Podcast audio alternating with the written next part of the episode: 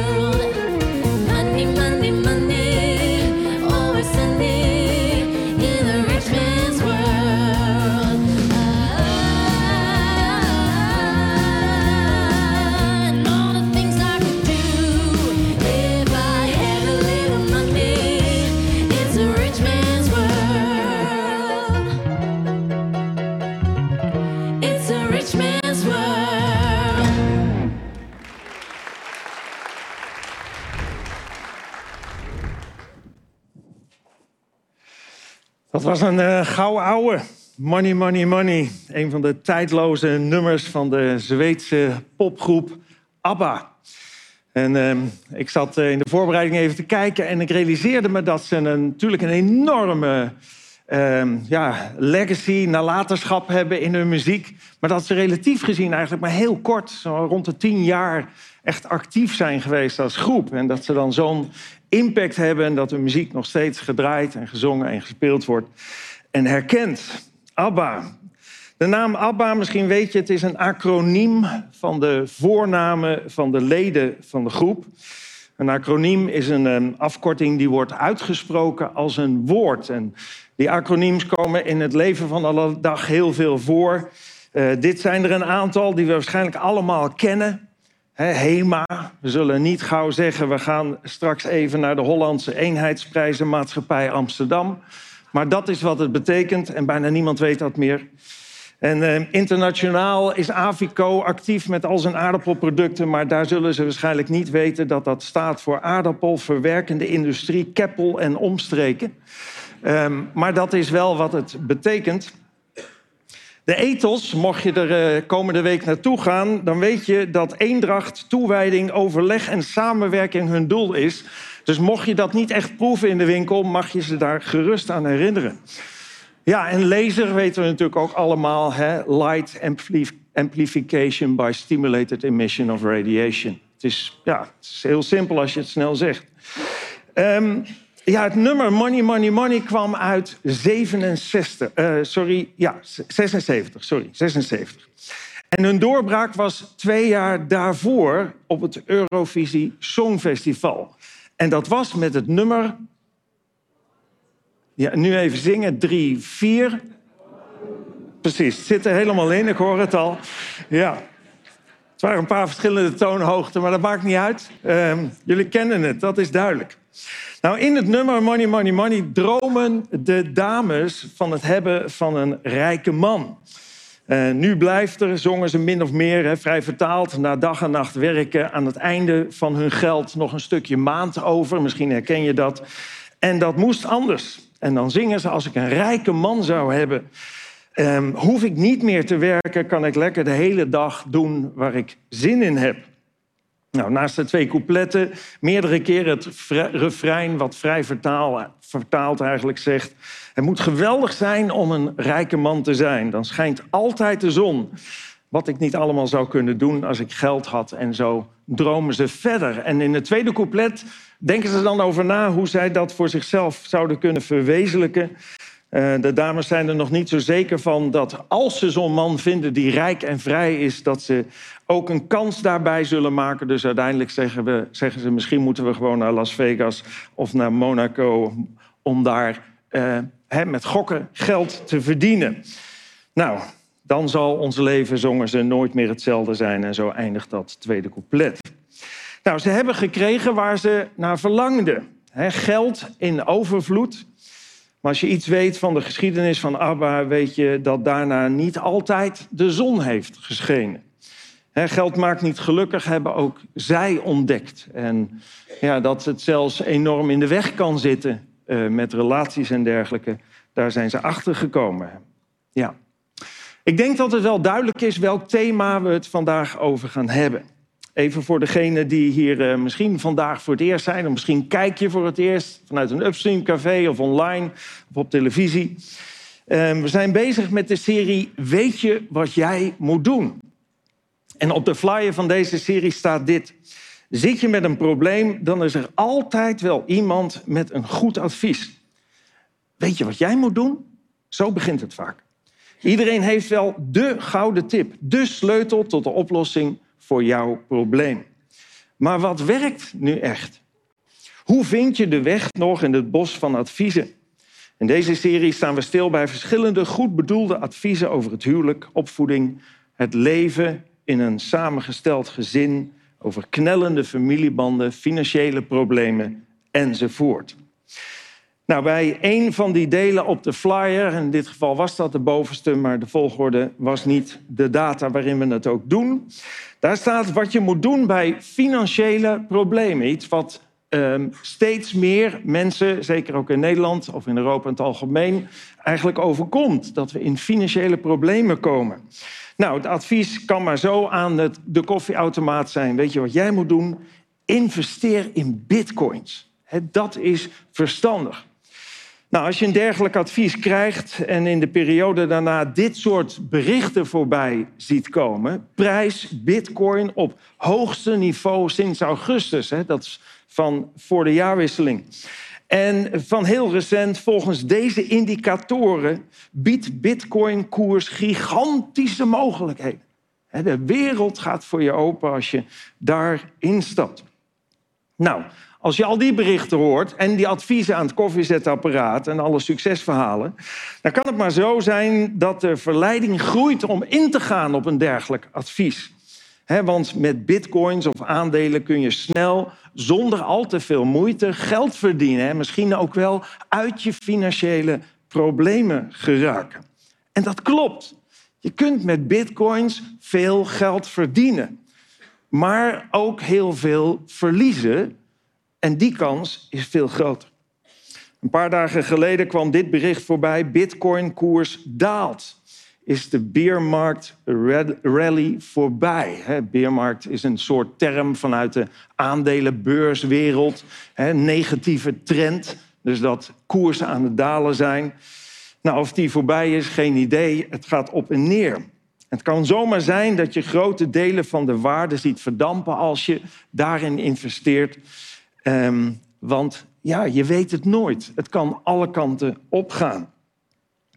Ja, waarom heeft Bitcoin een digitale munt? Misschien heb je er wel van gehoord. Ik kan me niet voorstellen van niet, maar misschien heb je geen idee wat het precies is. Waarom heeft zo'n digitale munt nou überhaupt de waarde? Want als je die bedragen ziet die er voorbij komen, dat is echt heel veel. Nou, iets heeft de potentie waardevol te zijn of waardevol te worden als het schaars is en gewild. Als het schaars is en gewild. Goud is schaars en gewild en daarom heeft het waarde. als ze morgen ergens, eh, weet ik veel, 10 eh, miljoen kilo goud vinden, dan daalt de prijs. Want ja, dan is er geen schaarste meer, dan is er meer dan voldoende. Water heeft hier weinig waarde. Maar als je bijna vergaat van de dorst, doodgaat van de dorst, dan heb je graag een klomp goud over voor een flesje water. En is het ineens verschrikkelijk veel waard geworden omdat het schaars is. Nou, er kan een natuurlijke schaarste of behoefte zijn, zoals bij goud, maar schaarste en behoefte kun je ook creëren, kun je maken. Nou, wie heeft er wel eens voetbalplaatjes gespaard vroeger? Of misschien nog wel. Oh, het is nog steeds actueel, geloof ik. Ik zie ook jongeren een hand opsteken.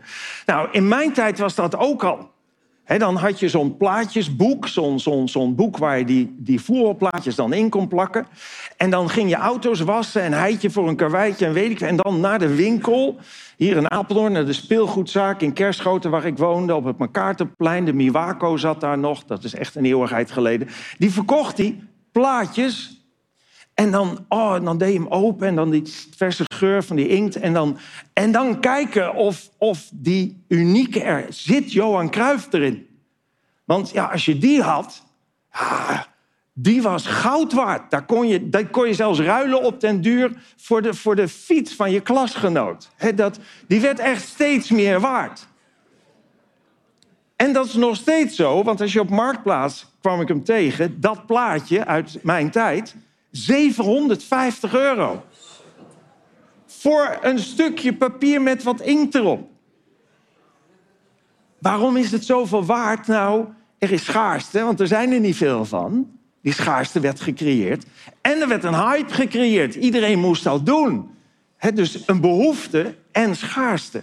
Als je dat weet te creëren. En het bedrijf Panini, wat nog steeds die voetbalplaatjes verkoopt, die zet jaarlijks 800 miljoen om aan voetbalplaatjes. Ja, dan doen ze wel iets goed. Nou, waarom zijn bitcoins schaars? Nou, we weten niet hoeveel goud er in de grond zit precies, maar wel hoeveel bitcoins er in de grond zitten. 21 miljoen. En om die te vinden moet je een mijn beginnen. Geen goudmijn, maar een bitcoinmijn. En omdat bitcoin een digitale munt is, heb je een heleboel dure computers nodig die hele, hele ingewikkelde berekeningen moeten maken, daarbij veel stroom gebruiken. En eh, om die bitcoins te minen, hè, uit die mijn te halen, uit die voorraadschuur die nog niet leeg is. Dat schiet aardig op, maar is nog niet leeg. Nou, waarom zijn bitcoins nou zo gewild? Want buiten schaarste die bewust wordt gecreëerd, moet je ook een behoefte creëren. Nou, bitcoins is eigenlijk verzonnen als alternatief betaalsysteem. Met het grote voordeel dat het oncontroleerbaar is voor de overheid en voor de Belastingdienst en voor al dat soort dingen. Het gaat langs al die systemen. En dat wordt natuurlijk gepresenteerd als ja, al die mensen, al die banken en zo worden allemaal rijk van ons. Laten we dat allemaal uitschakelen. We doen dat allemaal zelf. We maken daar zelf een systeem voor. En het werkt schijnbaar. Maar waarom gaat de waarde nou zo op en neer? Want dat gebeurt. Als je hier kijkt naar de koersverloop vanaf het begin, nou, het begon bij nul. Denk bitcoin, wat is dat? Niks waard. Als je zo'n ding zou tegenkomen, digitaal zou je het wissen, denk ik. Nou, nu doe je dat niet meer, want nu is die inmiddels 21.000 euro waard vandaag. Maar ook 55.000 waard geweest. Kijk, en het beste, als je er echt mee wil verdienen, moet je het kopen op het laagste punt daar. Dat allerlaagste. En verkopen op het allerhoogste punt. Dat is ideaal, dan verdien je heel veel. Het probleem is alleen, niemand weet wanneer het laag of hoog is. Waarom gaat het zo op en neer? Nou, de waarde van deze munt is afhankelijk van een stukje beschikbaarheid en het vertrouwen. En nog een heleboel factoren die lastig eigenlijk te vinden zijn. Als iemand een grote hoeveelheid bitcoins verkoopt, dan heeft dat enorme invloed op de koers. Daar, daarmee lijkt het bijna op een soort piramidespel. Eén tweet van Elon Musk kan de koers ook omhoog of omlaag brengen. Dus de waarde is ook afhankelijk van sentiment en vertrouwen. Er zijn geen enkele garanties van de overheid. Het kan zo weg zijn en dat is nu ook aan de hand. Het is alles bij elkaar bijzonder risicovol. Nou, natuurlijk zijn er mensen die er veel mee winnen, maar die winst wordt betaald door nog meer mensen die eraan verliezen. Het is net een soort loterij wat dat betreft. Dus heb je financiële problemen, begin dan niet aan aandelen, digitale munten, loterijen of gokken. Want de kans is zeer groot dat jij de winst gaat betalen van de succesverhalen waarover je leest en hoort. Nou, dit lijkt nog meer een TED-talk, zou je kunnen zeggen. Dat is het niet. Maar waarom kiezen we nou voor dit onderwerp op een plek waar het gaat over geloven, waar het gaat over God, waar het gaat over de Bijbel. Nou, dat is omdat God via profeten, hè, dat waren mensen die vroeger vanuit God boodschappen doorgaven en dat opschreven, omdat God via Jezus, toen hij op aarde was, en via de Bijbel, waar het allemaal in is opgeschreven, over alle thema's van het leven waardevolle dingen te zeggen heeft en dus ook over geld. Als je financieel zwaar, in zwaar weer zit, en dat geldt, ik zei het net al, voor steeds meer mensen, zou ik zeggen, ga de Bijbel eens lezen. Niet dat je daar iets vindt over bitcoins, een advies, of aandelen of de postcode loterij, maar wel principes die je kunnen helpen om je financiën op orde te krijgen en te houden. Ik kan je met aan zekerheid grenzende waarschijnlijkheid zeggen dat de dingen waar je de meeste spijt van hebt als het gaat over je financiële situatie, dat je die had kunnen voorkomen als je de Bijbelse principes daarin had gehanteerd. Nou, in tegenstelling tot wat je misschien verwacht, praatte Jezus toen hij op aarde rondliep meer over geld dan over welk ander thema dan ook. Hij praatte meer over geld dan over de hemel, de hel, over genade, dopen, naaste liefde of welk thema dan ook.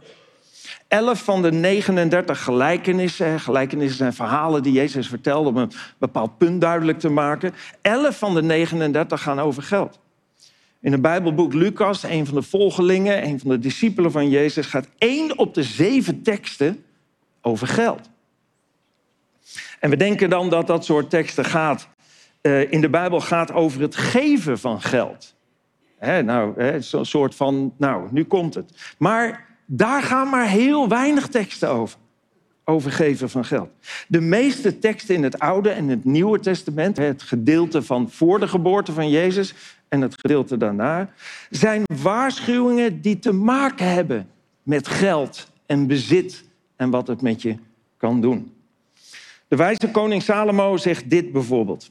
Hij zegt, wie leent, wordt de slaaf van zijn geldschieter. Oftewel, je creëert een afhankelijkheid waar je van tevoren goed over na moet denken of dat wel verstandig is. Geld lenen maakt je tot een slaaf, zegt hij. Zeker als het gaat om lenen voor consumptiegoederen. op het moment dat je de winkel uitloopt, is het meteen 30% minder waard. En, en is er dus geen gezonde verhouding meer tussen je bezittingen en, en je schulden. En zolang je netjes je rente en aflossing kunt betalen, is er niks aan de hand. Maar als je dat om welke reden dan ook niet meer kunt betalen, omdat je je baan verliest, omdat er een financiële crisis komt, of een milieucrisis, of uh, energiecrisis, of je krijgt onverwachts andere kosten, dan kom je in de problemen. Dat wordt vaak een negatieve spiraal. Met hogere rentes en boetes en, en deurwaardes en een heleboel ellende als je niet oppast. We kennen allemaal dit plaatje wel. Dat krijg je te zien wanneer een lening wordt aangeboden. Nou, het probleem is niet dat geld lenen geld kost, maar dat het een blok aan je been kan worden. dat het een soort, ja, het lijkt net een gevangene die met zo'n blok achter zich aanloopt. Nou, dat kan gebeuren als je op een onverstandige manier met geld lenen aan de slag gaat. Ik kwam in deze advertentie ook dat plaatje tegen, het bovenin, met daaronder wel een heel bijzonder aanbod. Geld lenen voor schulden aflossen. Is volgens mij een beetje in de trant van leven van de rente van je schuld of zoiets. Dat klopt allemaal niet zo. Oftewel, schulden aangaan om schulden af te lossen. En ik begrijp wel wat ze aanbieden. Hè. Je hebt allemaal verschillende schulden en wij vegen dat allemaal bij elkaar. En dan heb je maar één partij. Uh, die meestal nog veel harder is dan al die andere partijen bij elkaar. Dus denk er goed over na. Maar het, het helpt natuurlijk niks. Een andere waarschuwing is de volgende, ook weer van Salomo. Hij zegt, in de schoot gevallen rijkdom, dus geld wat je maar zo krijgt zonder dat daar werk tegenover staat, verdwijnt in het niet, maar bezit met eigen hand vergaard zal groeien. Oftewel, een grote erfenis of een grote geldprijs. We hebben net weer die loterijen achter de rug met de jaarwisseling. Um, bitcoins die veel waard worden of aandelen. Vaak verdwijnt die winst zomaar weer of kost het je alles wat je dierbaar is. Op internet staat vol verhalen met dramatische ja, gevolgen van het krijgen van veel geld zonder dat er arbeid tegenover staat. Er was eens een man die thuis kwam en tegen zijn vrouw zei: Vrouw, ik heb 10 miljoen gewonnen, pak je koffers. Waarop de vrouw zei: Wat geweldig, wat moet ik meenemen, zomer- of winterkleren? Waarop de man zegt: Nou, dat maakt niet uit als je maar vertrekt. Ja. En dit is natuurlijk een grap, maar in de realiteit komt dit zoveel voor. Vandaar die waarschuwing. Oké, voor we verder gaan, even een vraag waar je het samen even over mag hebben. En dat is een vraag die eigenlijk gericht is aan mensen die het zij arm zijn, eh, het zij niet arm zijn, maar weinig hebben. Um, aan mensen die modaal inkomen hebben, modale situatie. Aan mensen die heel veel hebben, rijk zijn. Aan mensen die stinkend rijk zijn. Oftewel, aan iedereen.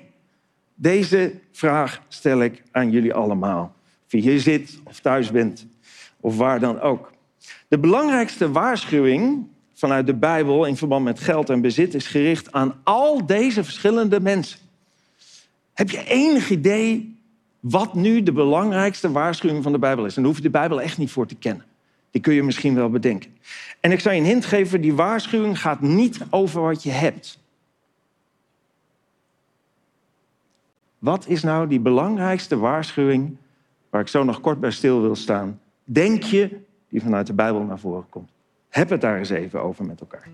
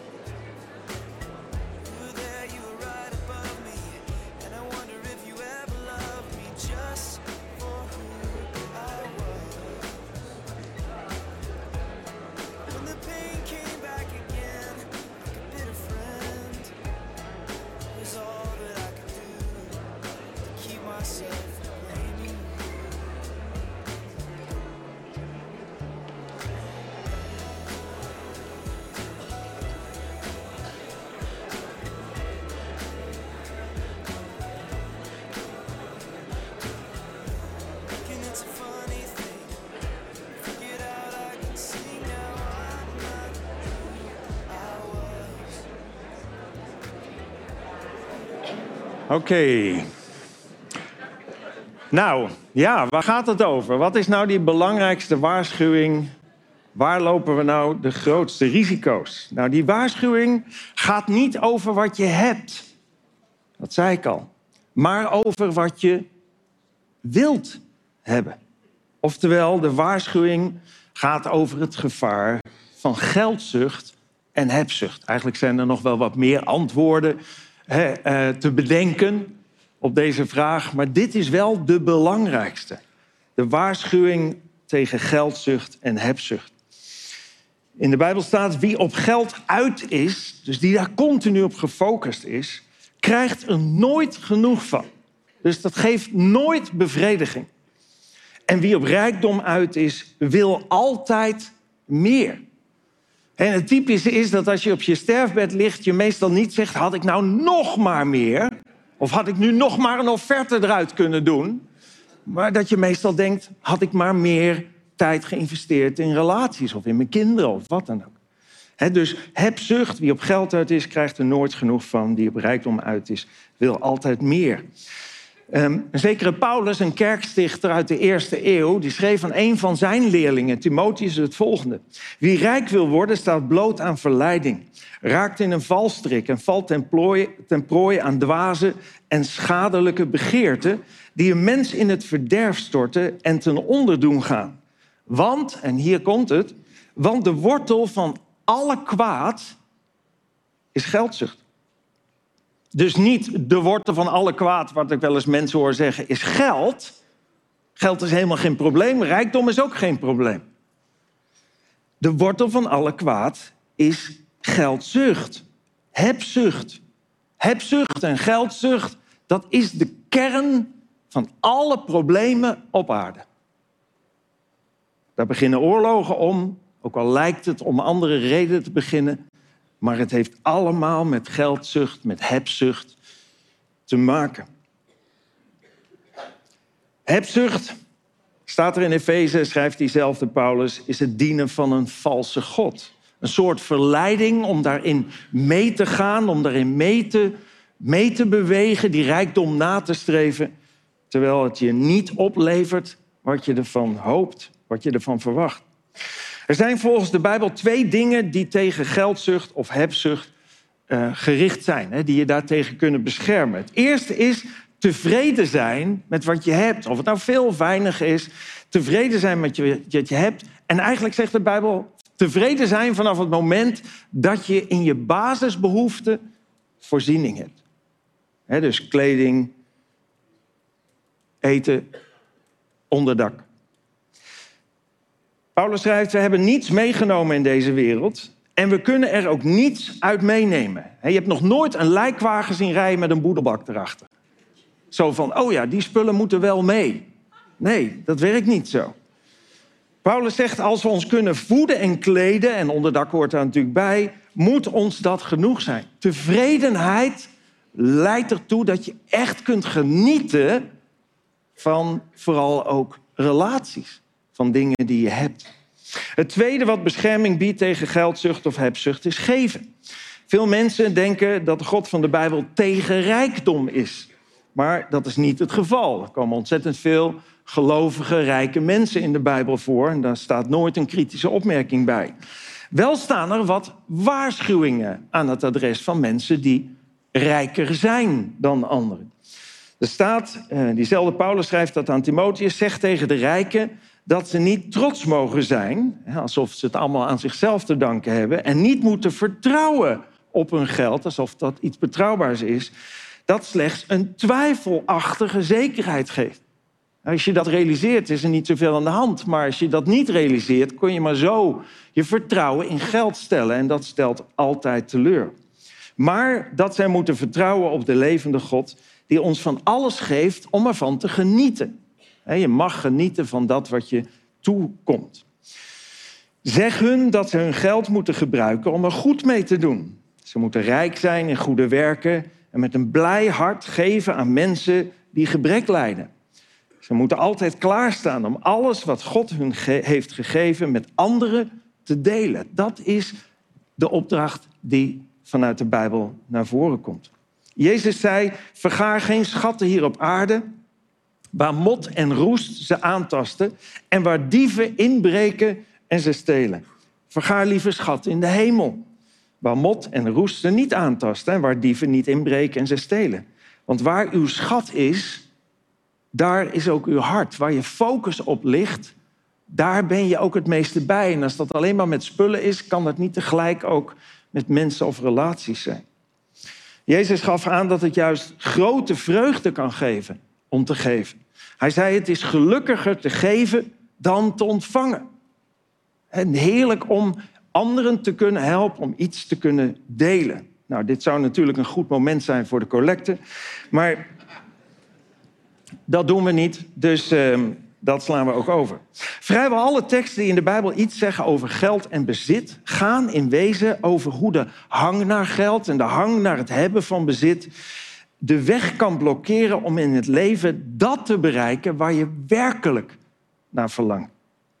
Ieder mens verlangt naar geluk. We willen graag gelukkig zijn. En we weten, geld maakt niet gelukkig. We verlangen naar vrede. We verlangen naar hoop.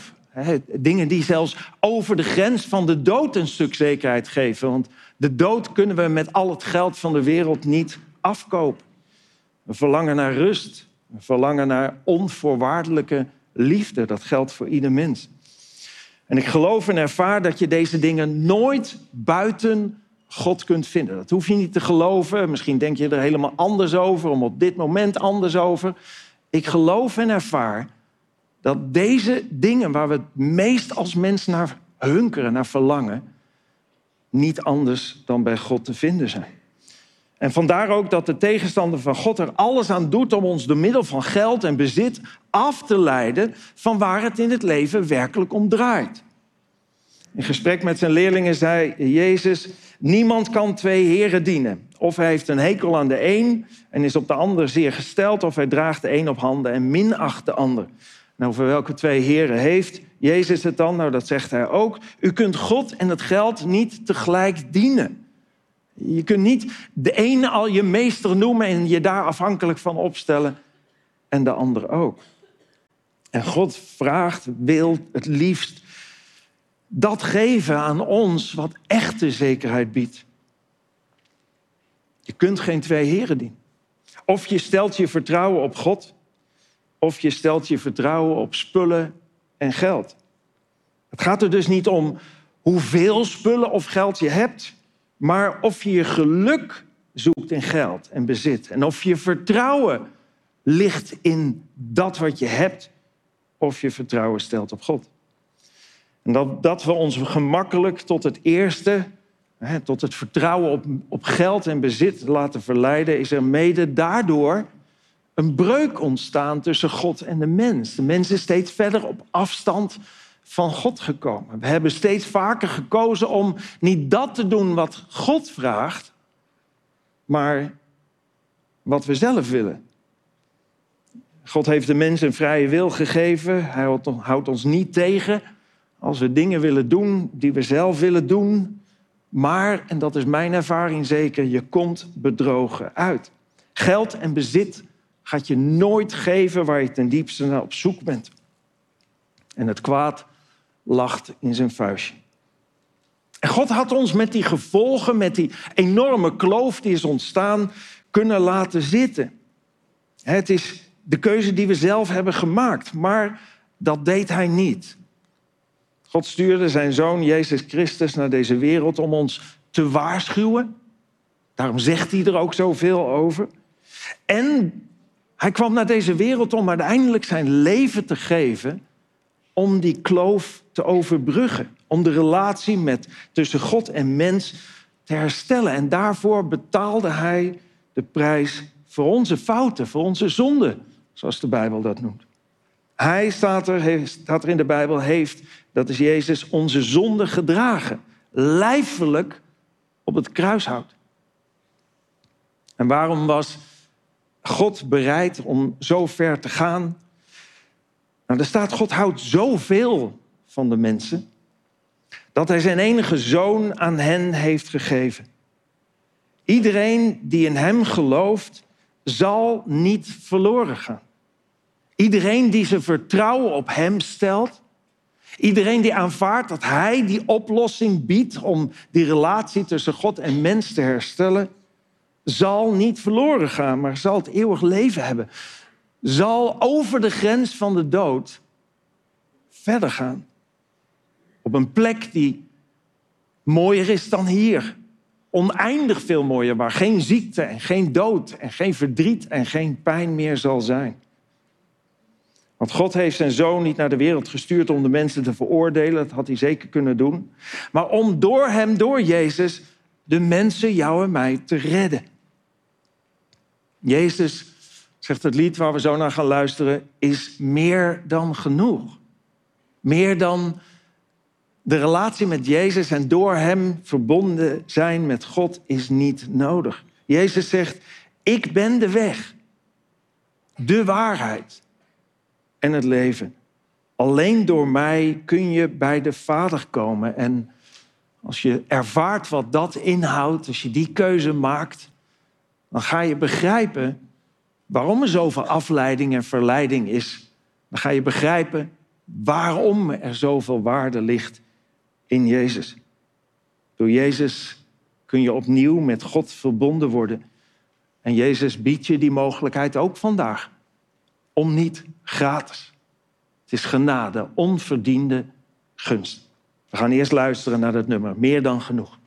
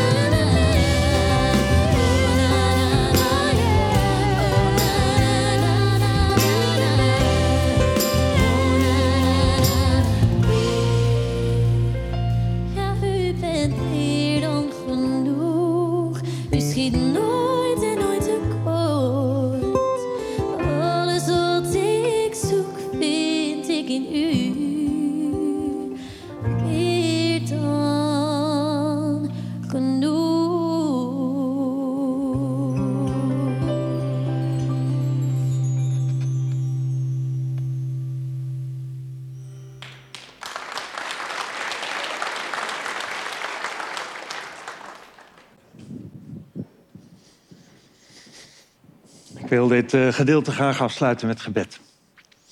Heer God, ik wil u zo danken voor ehm, die boodschap die steeds actueel is. Dat hele oude boek, de Bijbel, die zo relevant en zo actueel is in deze tijd. Waar alle thema's waar wij als mensen mee te dealen hebben, ja, waar zulke waardevolle principes naar voren komen. Heer, maar ik wil u ook danken voor de boodschap die erin naar voren komt. Dat u, Heer Jezus, naar deze wereld gekomen bent om ons nieuw leven te geven. Om ons opnieuw te verbinden met de bron van het leven, de bron van liefde. God de Vader. En ik wil u zo bidden, Heer, voor alle mensen die hier zitten, voor alle mensen die kijken. Ik wil u bidden, Heer, dat ja, als wij die keuze in ons leven nog nooit hebben gemaakt, dat we ja, daarover na zullen denken. En misschien als we ja, vanavond uh, naar bed gaan of morgen in de auto zitten, of wanneer we hier ook over nadenken, Heer, dat er een moment komt waarop we ja zeggen tegen u. Waarop we, ja, waarop we durven uitspreken, ik ben een zondaar, ik schiet tekort ten opzichte van de liefde, de volmaakte liefde die God is. Heer, en u zegt dat wanneer we berouw hebben over onze zonden en ons bekeren, ons omkeren naar u toe, het offer wat u bracht willen aanvaarden, Heer, dat u ons nieuw leven geeft. Dat u ons hoop en onvoorwaardelijke liefde geeft, rust en vrede. Heer, en niet dat deze wereld dan in één keer helemaal anders is. We leven in een gebroken wereld en dat blijft voorlopig zo.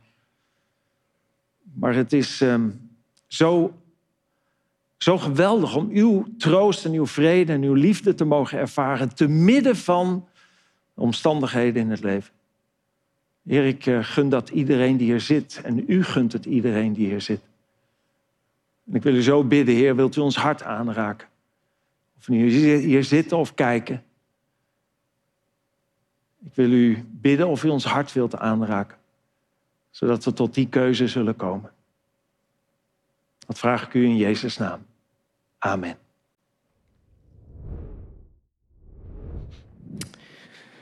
Zo. Ik wil graag dit gedeelte afsluiten met een gedichtje wat ik schreef uh, rondom dit thema. En er staat boven: Geld maakt niet gelukkig. Ze zeggen wel eens: geld maakt niet gelukkig. Maar het geeft wel veel gemak. Doordat je je geen zorgen hoeft te maken over eten, kleding en een dak.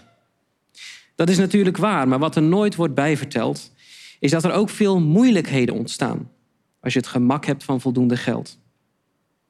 Dan heb ik het niet over hebzucht, over het verlangen naar nog meer geld en spullen, over nog vaker uit eten, duurdere kleding en een nog groter dak, over diepe zakken die niet zijn te vullen. Dat lijkt trouwens een kleine groep waar iedereen zich aan stoort. Maar durf jij eerlijk te kijken of jij er ook misschien toch niet bij hoort? Maar nee, ik bedoel de diepere laag onder de hebzucht. En dat is dat je ongemerkt gaat denken dat jij je geld hebt verdiend omdat je er hard voor hebt gewerkt. Natuurlijk heb je hard gewerkt en krijg je je verdiende loon. Maar het feit dat je überhaupt werk hebt, dat is niet zo gewoon. Want het geld dat jij hebt verdiend ligt niet zozeer aan jouw prestaties. Het ligt niet aan al je studies, maar vooral aan toevallige situaties. Want dat je wieg in Nederland stond, dat heb je niet bepaald. En ook niet dat je ouders had die van alles voor je hebben betaald. En wat te denken van je gezondheid en je gezonde verstand. Heb je wel eens over nagedacht als je was geboren in een andere toestand? Dus geld maakt niet gelukkig. Maar geluk bepaalde vooral jouw geld. Alleen dat besef kan je bescheiden houden als je er weer wat spaargeld bij optelt. Maar stel dat geluk niet iets, maar iemand is. En iemand die al jouw situaties overziet. Dan zou die iemand, die God, op je blote knieën danken. Dat jij voldoende geld hebt en de ander niet. En ook zou je beseffen dat alles wat op jouw bankrekening heeft gestaan, niet verdiend, maar aan jou gegeven is. Met straks de vraag hoe je ermee om bent gegaan. Maar de illusie dat je geld van jouzelf is, is voor de meesten waarschijnlijk toch te sterk. Waardoor het heel moeilijk wordt om te delen na al je harde werk. En dan ligt ook de hebzucht als stiekem op de loer. Want geld heeft altijd honger, wil altijd meer voer. En zo zit ook ik stiekem best vast aan mijn geld. Zeker als je naar mijn uitgaven kijkt. En dan ben ik vaak ook nog trots op mezelf, omdat die ene gift op iets van medeleven lijkt. Ooit zei iemand dat als je echt oprecht iets wil geven, je voor de zekerheid maar zo ver moet gaan dat het pijn doet aan je standaard van leven. Maar hoewel ik echt dat goede voornemen heb, heb ik nog steeds niet de moed om zoiets te beslissen. Want ook al maakt geld misschien niet gelukkig, het gemak kan ik bijna niet meer missen. En dat ziet ook God. God die al mijn situaties overziet. Die zag dat niemand echt wil delen, maar het daar niet bij liet. Hij ziet onze illusie dat geld ons eigendom is, terwijl je het aan Hem te danken hebt dat je wat overhield tijdens de laatste financiële crisis. En Hij ziet ons geld naar de verkeerde dingen gaan, terwijl we op de rekening van het leven ongekend diep in het rood staan. Maar God gaf wel meer dan Hij kon missen. Hij gaf zelfs het duurste wat Hij kon geven. Hij gaf zichzelf uit liefde. Hij betaalde mijn schuld met zijn leven. Want de liefde is niet te kopen, ook al heb je nog zoveel geld. Wie zijn geld juist los kan laten, dat is de echte held. Ja, dan zijn we alweer aan het einde gekomen. We gaan zo nog luisteren naar uh, één mooi nummer. Maar er zijn nog een paar dingen die ik tegen je wil zeggen. Het eerste is dat je misschien wilt napraten over alles wat er voorbij is gekomen. Dat kan. Er zijn verschillende mogelijkheden via onze website www.upstream.café. Maar misschien zit er ook wel een Upstream Café bij jou in de buurt. Dat is een plek waar je samen met andere mensen deze video's kunt bekijken en daarover door kunt praten. Kijk eh, op onze website voor een actueel overzicht van alle Upstream cafés. En tenslotte zijn er nog veel meer video's, dus neem gerust een kijkje. Voor nu, tot ziens bij Upstream.